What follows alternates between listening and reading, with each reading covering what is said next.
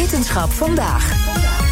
Het antibiotica-gebruik in de veehouderij zal wereldwijd alleen maar toenemen de komende tijd. Waarschuwt een onderzoeker in Nature. Wetenschapsredacteur Carlijn Meinders is hier. Ha, Carlijn. Hoi. Ja, ik dacht dat we eigenlijk allemaal wel ons bewust waren dat dat antibiotica-gebruik naar beneden moest. Ja, ja, er worden ook zeker belangrijke stappen gezet. Neem bijvoorbeeld de nieuwe, strengere Europese regels die vorig jaar zijn ingegaan. Is nog een beetje te vroeg om te zeggen wat dat precies voor Mhm. effect heeft gehad.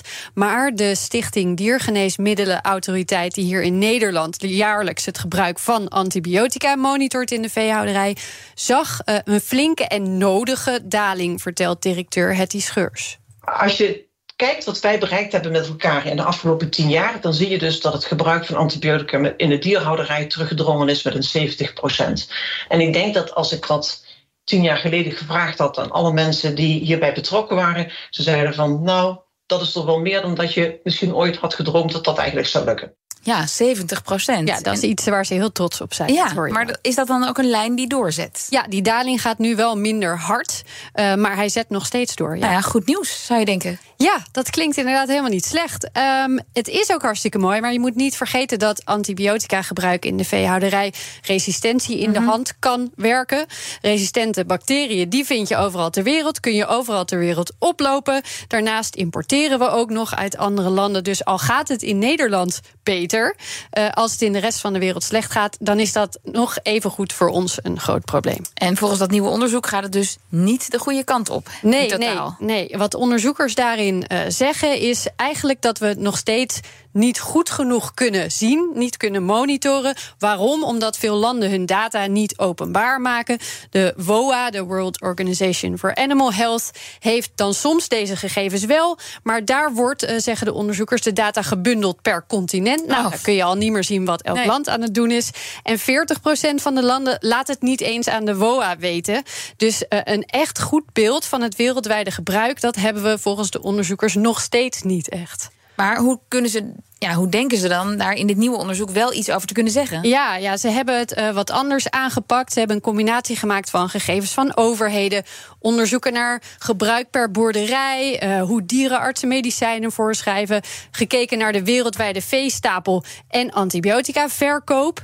Eh, en daarmee denken ze te kunnen zeggen, als wordt gekeken naar antibiotica gebruik per kilo dier per land, zeg je dan, dat er wereldwijd tussen 2020 en 2030 in plaats van een afname een groei van 8% te verwachten Een groei juist dus. Ja. Ja. dat klinkt inderdaad slecht nieuws. En zijn er nog bepaalde landen die dan heel bepalend daarin zijn? Ja, eh, eh, China staat dik bovenaan, eh, gevolgd door Brazilië en de VS. zijn meteen ook hele grote landen. Ja, ja, ja. ja. Als je naar de verwachte groei kijkt, dan springt Pakistan er bijvoorbeeld ook bovenuit met 44 procent in de komende, nou ja, pak een beetje tien jaar dus.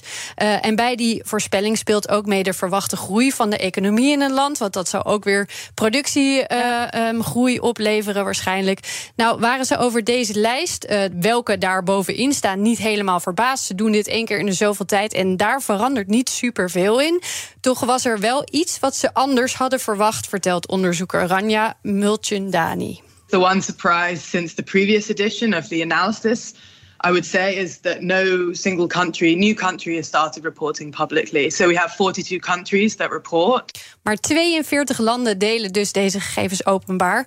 Eh, China is daar wel mee begonnen een tijdje terug. Maar een heleboel landen doen dit nog niet. En dan is eh, voorspellingen doen een stuk lastiger. Dus eh, ze hopen dat er snel verandering in komt. Zodat ze nog beter kunnen zeggen hoe het er eigenlijk voor staat nu. Ja, en als het over lijstjes gaat, willen we natuurlijk altijd weten waar staat Nederland in dit lijstje. Ja, dat snap ik. Heb ik natuurlijk even gevraagd. Gelukkig niet ergens bovenin bij de grootgebruikers. In terms of tonnage, um, it's, it's doing pretty well. It's uh, somewhere around, well, I've calculated it as number 52 in the list. So from highest to lowest. Ja, maar zijn er dus ook nog veel landen die het beter doen, waaronder veel van de Scandinavische landen. Ja, minder antibiotica daar. En wat willen de, deze onderzoekers dan doen met de nieuwe informatie die ze hebben? Ja, ze willen eigenlijk uh, hiermee doorgaan. Dus dit één keer in de zoveel tijd doen. Maar ook kijken wat als we aan knoppen draaien. Dus bijvoorbeeld als bepaalde regels geïmplementeerd worden. In Zweden en Nederland is het bijvoorbeeld al zo dat antibiotica voor dieren alleen op recept van de dierenarts mag. Stel dat gebeurt ook in andere landen. Wat Nou ja. gebeurt er dan? Dus dan gaan ze met die modellen spelen en meerdere scenario's testen.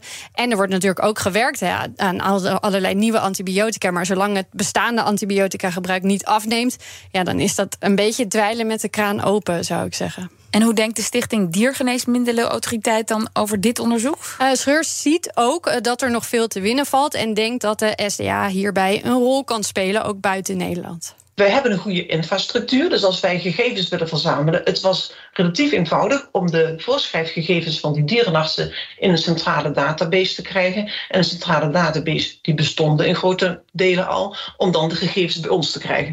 Als ik dat vertaal naar een willekeurig land wat veel minder infrastructuur heeft en veel minder organisatiegraad heeft op het niveau van dierhouders en van dierenartsen, dan hebben ze daar nog heel wat stappen eigenlijk in te zetten. En dan denk ik, het enige wat wij kunnen doen is hen meenemen in onze stappen die we zetten. En als zij vragen hebben, heel concreet over van help ons ook om deze stappen te kunnen zetten, om daar inderdaad ook alle hulp te bieden met de ervaring die wij inmiddels hebben opgedaan. Ja, en die vragen komen ook echt binnen. Uh, ze zijn al aan het helpen. En als we dan kijken wat kan er beter in Nederland, dan zitten de meeste bedrijven volgens Scheurs op een acceptabel gebruik van antibiotica.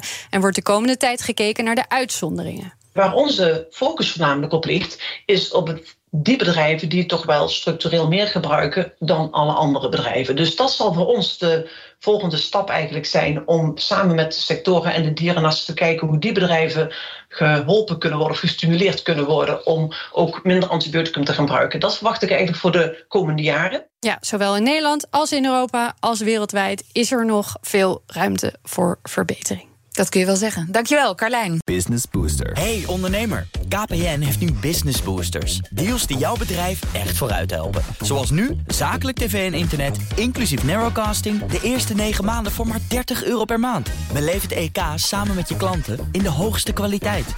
Kijk op kpn.com businessbooster. Business Booster.